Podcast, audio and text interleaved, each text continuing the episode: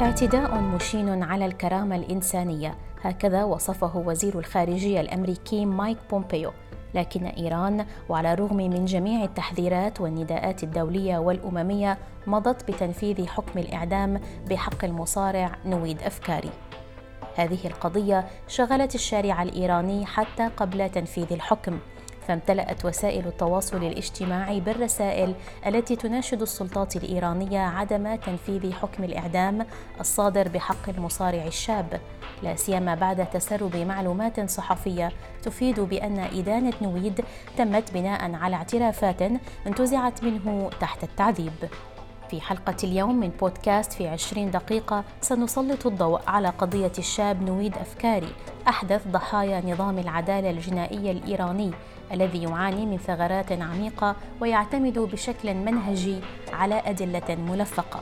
نويد الذي كان يبلغ من العمر 27 عاما أعدمته السلطات الإيرانية يوم السبت الثاني عشر من أيلول سبتمبر الجاري.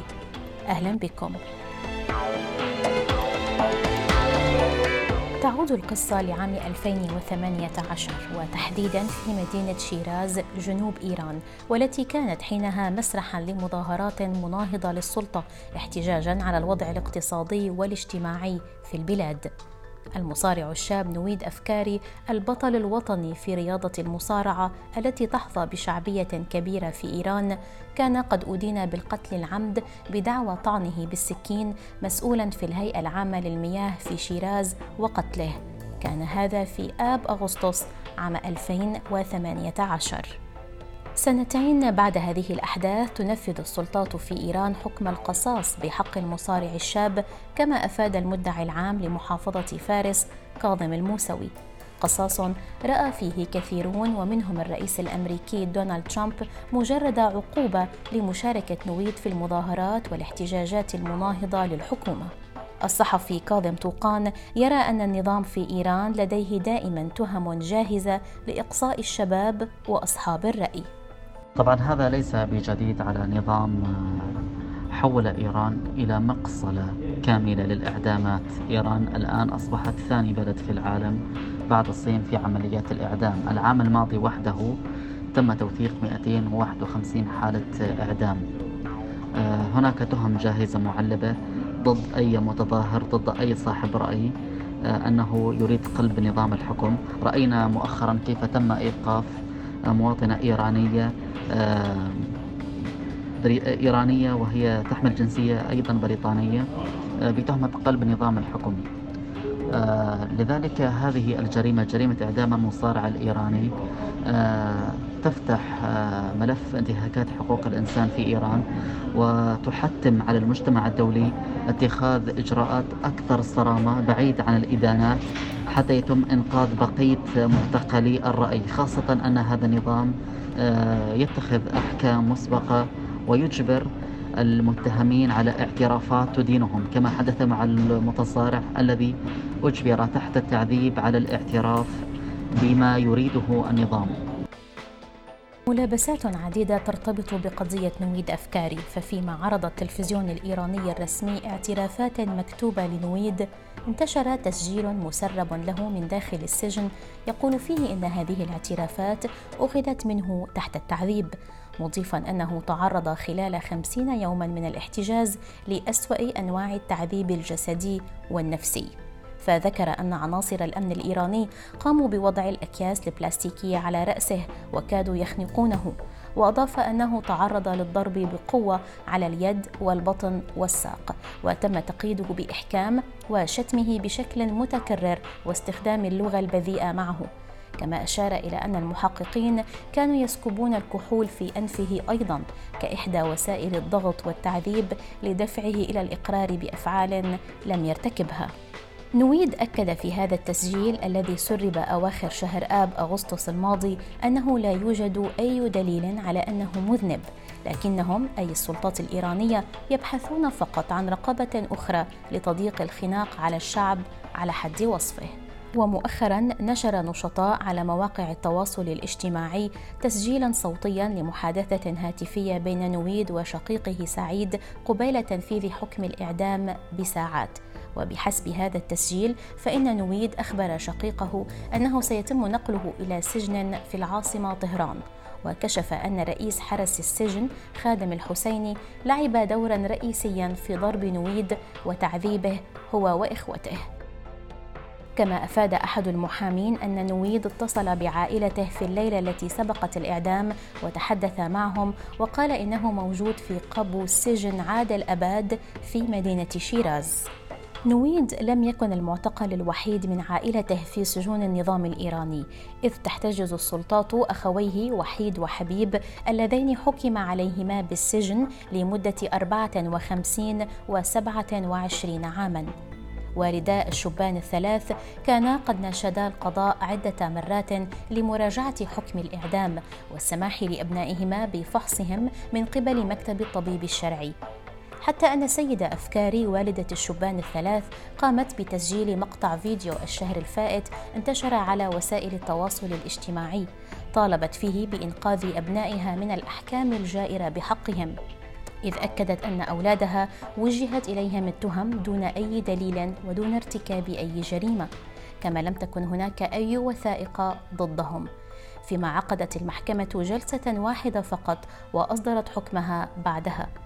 ووصفت السيدة في الفيديو كيفية دخول عناصر الأمن في شهر أيلول سبتمبر من عام 2018 إلى بيتها واعتقال أبنائها. قائلة إن أبنائها أجبروا على الشهادة ضد بعضهم البعض. وبعد إعلان تنفيذ الحكم بيومين ظهر مقطع فيديو لوالدة نويد وهي تتحدث بحرقة قلب وبدموع. قائلة إن ابنها لم يكن ليؤذي نملة بل كان محبا وإنسانيا ويساعد الآخرين مؤكدة أنه قتل ظلما. وإلى جانب مصابها بفقدان ابنها تخشى الوالده الملكومه على والديها الآخرين اللذين لا يزالان معتقلين من قبل السلطات الإيرانية. من الناحية القانونية ووفقا لمحامي نويد فإنه لم يتم احترام حق المدان في جلسة استماع نهائية بشأن إعدامه مضيفا أن الوثيقة الوحيدة التي استندت إليها المحكمة في قرارها بالإعدام هي الاعترافات التي تم الحصول عليها تحت وطأة التعذيب.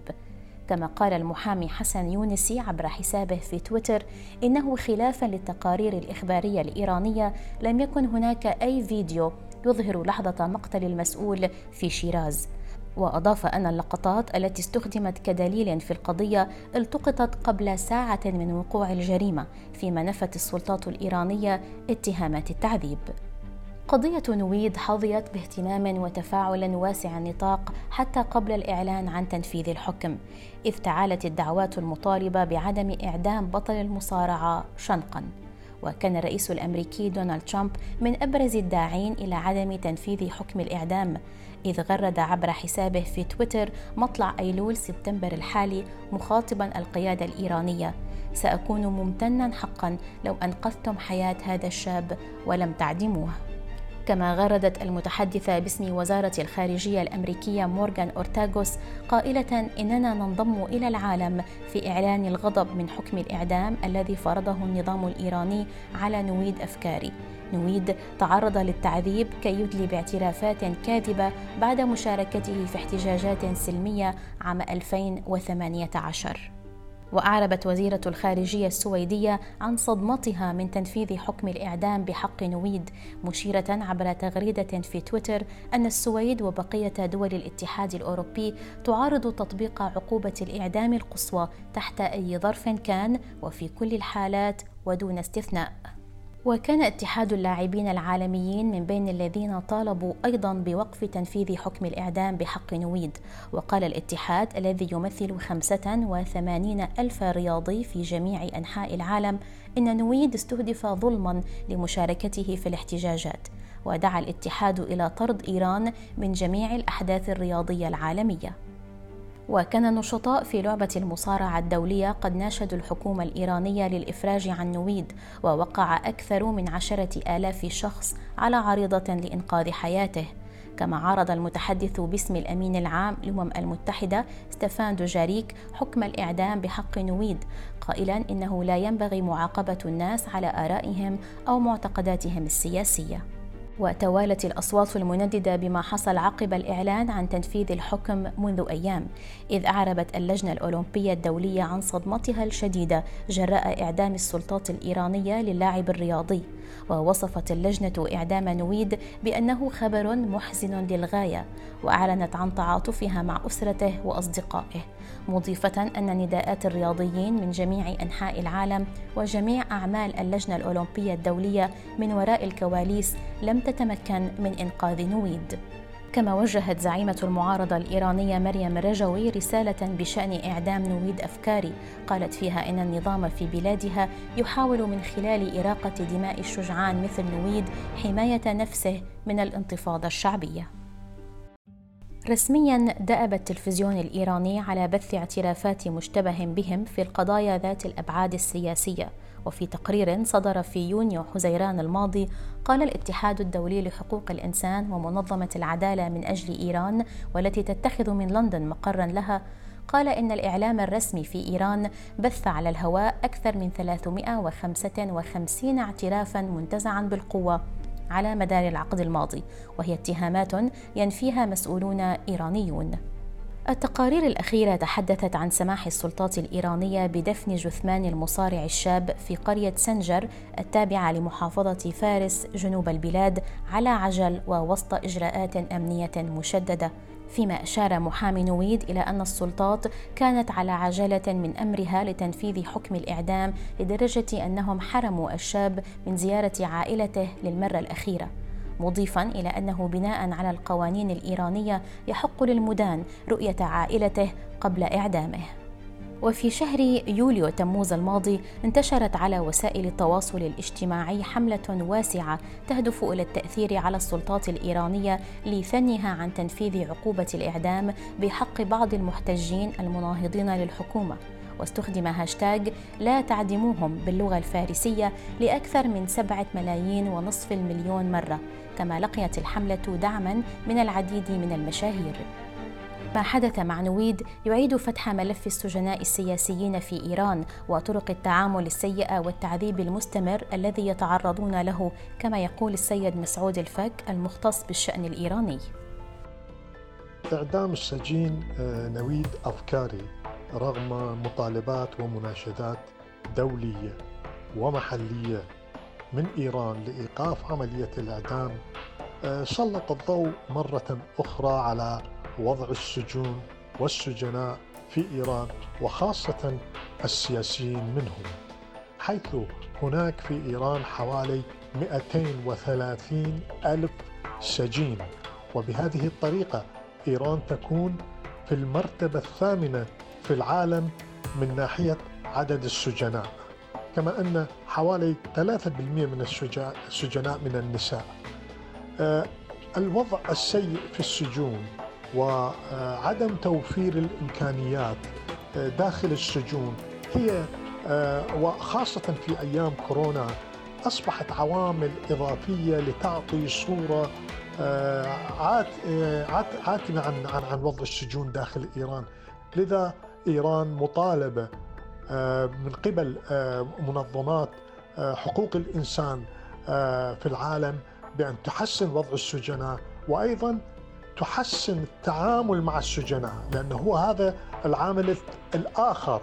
هناك تقارير حول تعرض السجناء للضرب للإهانة من قبل السجانين كما أن السجون الإيرانية لا توفر الإمكانيات الصحية الكافية للسجناء خاصة في هذه الأيام التي تعاني إيران آه، كبؤرة رئيسية لانتشار فيروس كورونا في منطقة الشرق الأوسط.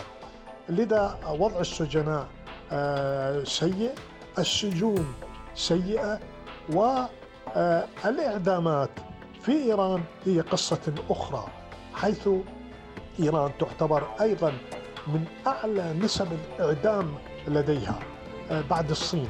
طبعا لو اعتبرنا الصين آه، قارنا بعدد السكان في هذه الحالة إيران تتقدم على الصين في في نسبة تنفيذ أحكام الإعدام داخل البلد.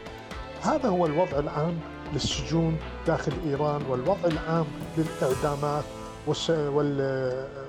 والوضع الذي يعاني منه السجناء في الداخل. ما حصل يعيد إلى الأذهان حادثة شهر حزيران يونيو الفائت عندما حكم القضاء الإيراني على الصحفي المنشق روح الله زام بالإعدام.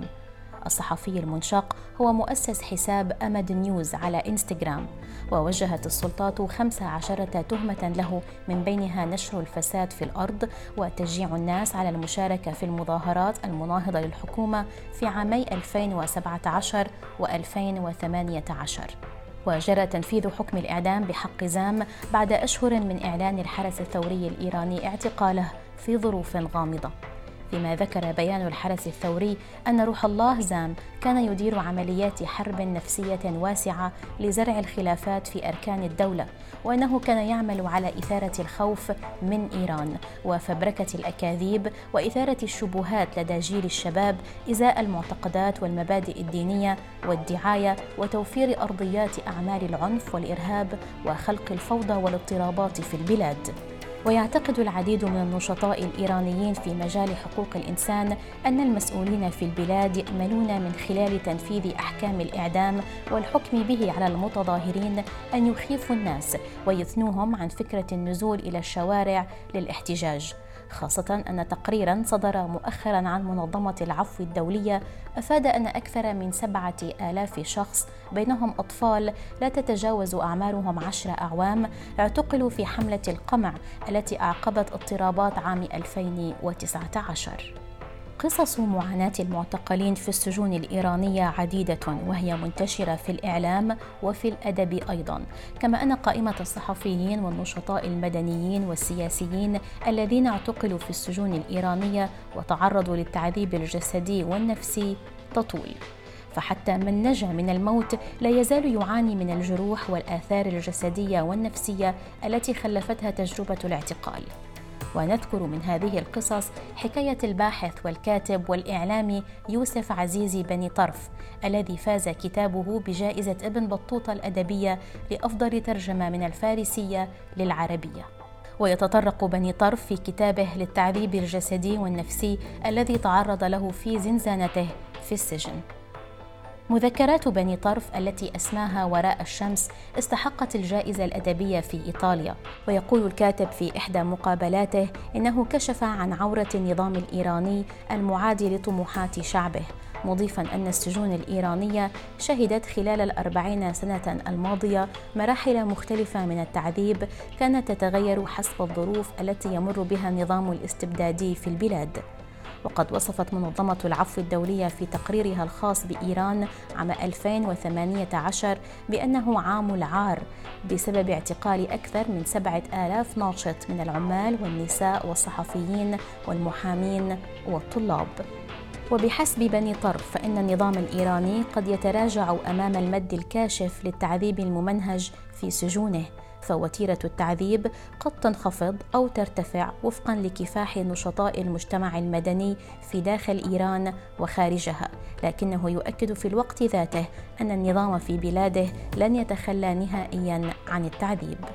وفي قصة أخرى يشير الناشط والإعلامي الكردي حسن كريمي الذي ذاق مرارة المعتقلات في إيران إلى أن سلوك قوى الأمن مع الناس العاديين في شوارع إيران يظهر تعاملا وحشيا. فهناك العديد من الصور والفيديوهات التي يتعرض فيها المواطنين للعنف والضرب المبرح في العلن وأمام عدسات التصوير ولأسباب تافهة. فما بالك بما يحدث في الزنازين المظلمة؟ إيران التي نفذت حكم الإعدام بحق 251 مدانا العام الماضي وحده. تعتبر ثاني أكثر دولة تنفذ أحكاما بالإعدام بعد الصين وذلك حسب منظمة العفو الدولية. وبالرغم من أنه كان عليها أن تتعامل مع أسوأ تفش لفيروس كورونا في الشرق الأوسط وهو الذي حصد أرواح أكثر من 13 ألف شخص وعمق الأزمة الاقتصادية التي تمر بها البلاد إلا أن السلطات الإيرانية لم تتوقف عن النظر في قضايا الإعدام وتنفيذ أحكامه. كانت هذه حلقة اليوم من بودكاست في عشرين دقيقة سلطنا الضوء فيها على تفاصيل قضية إعدام المصارع الإيراني نويد أفكاري كما تطرقنا إلى بعض القصص في ملف التعذيب في السجون الإيرانية. شكرا لكم على الاستماع إلينا ونلتقي في حلقة جديدة على راديو الآن. إلى اللقاء.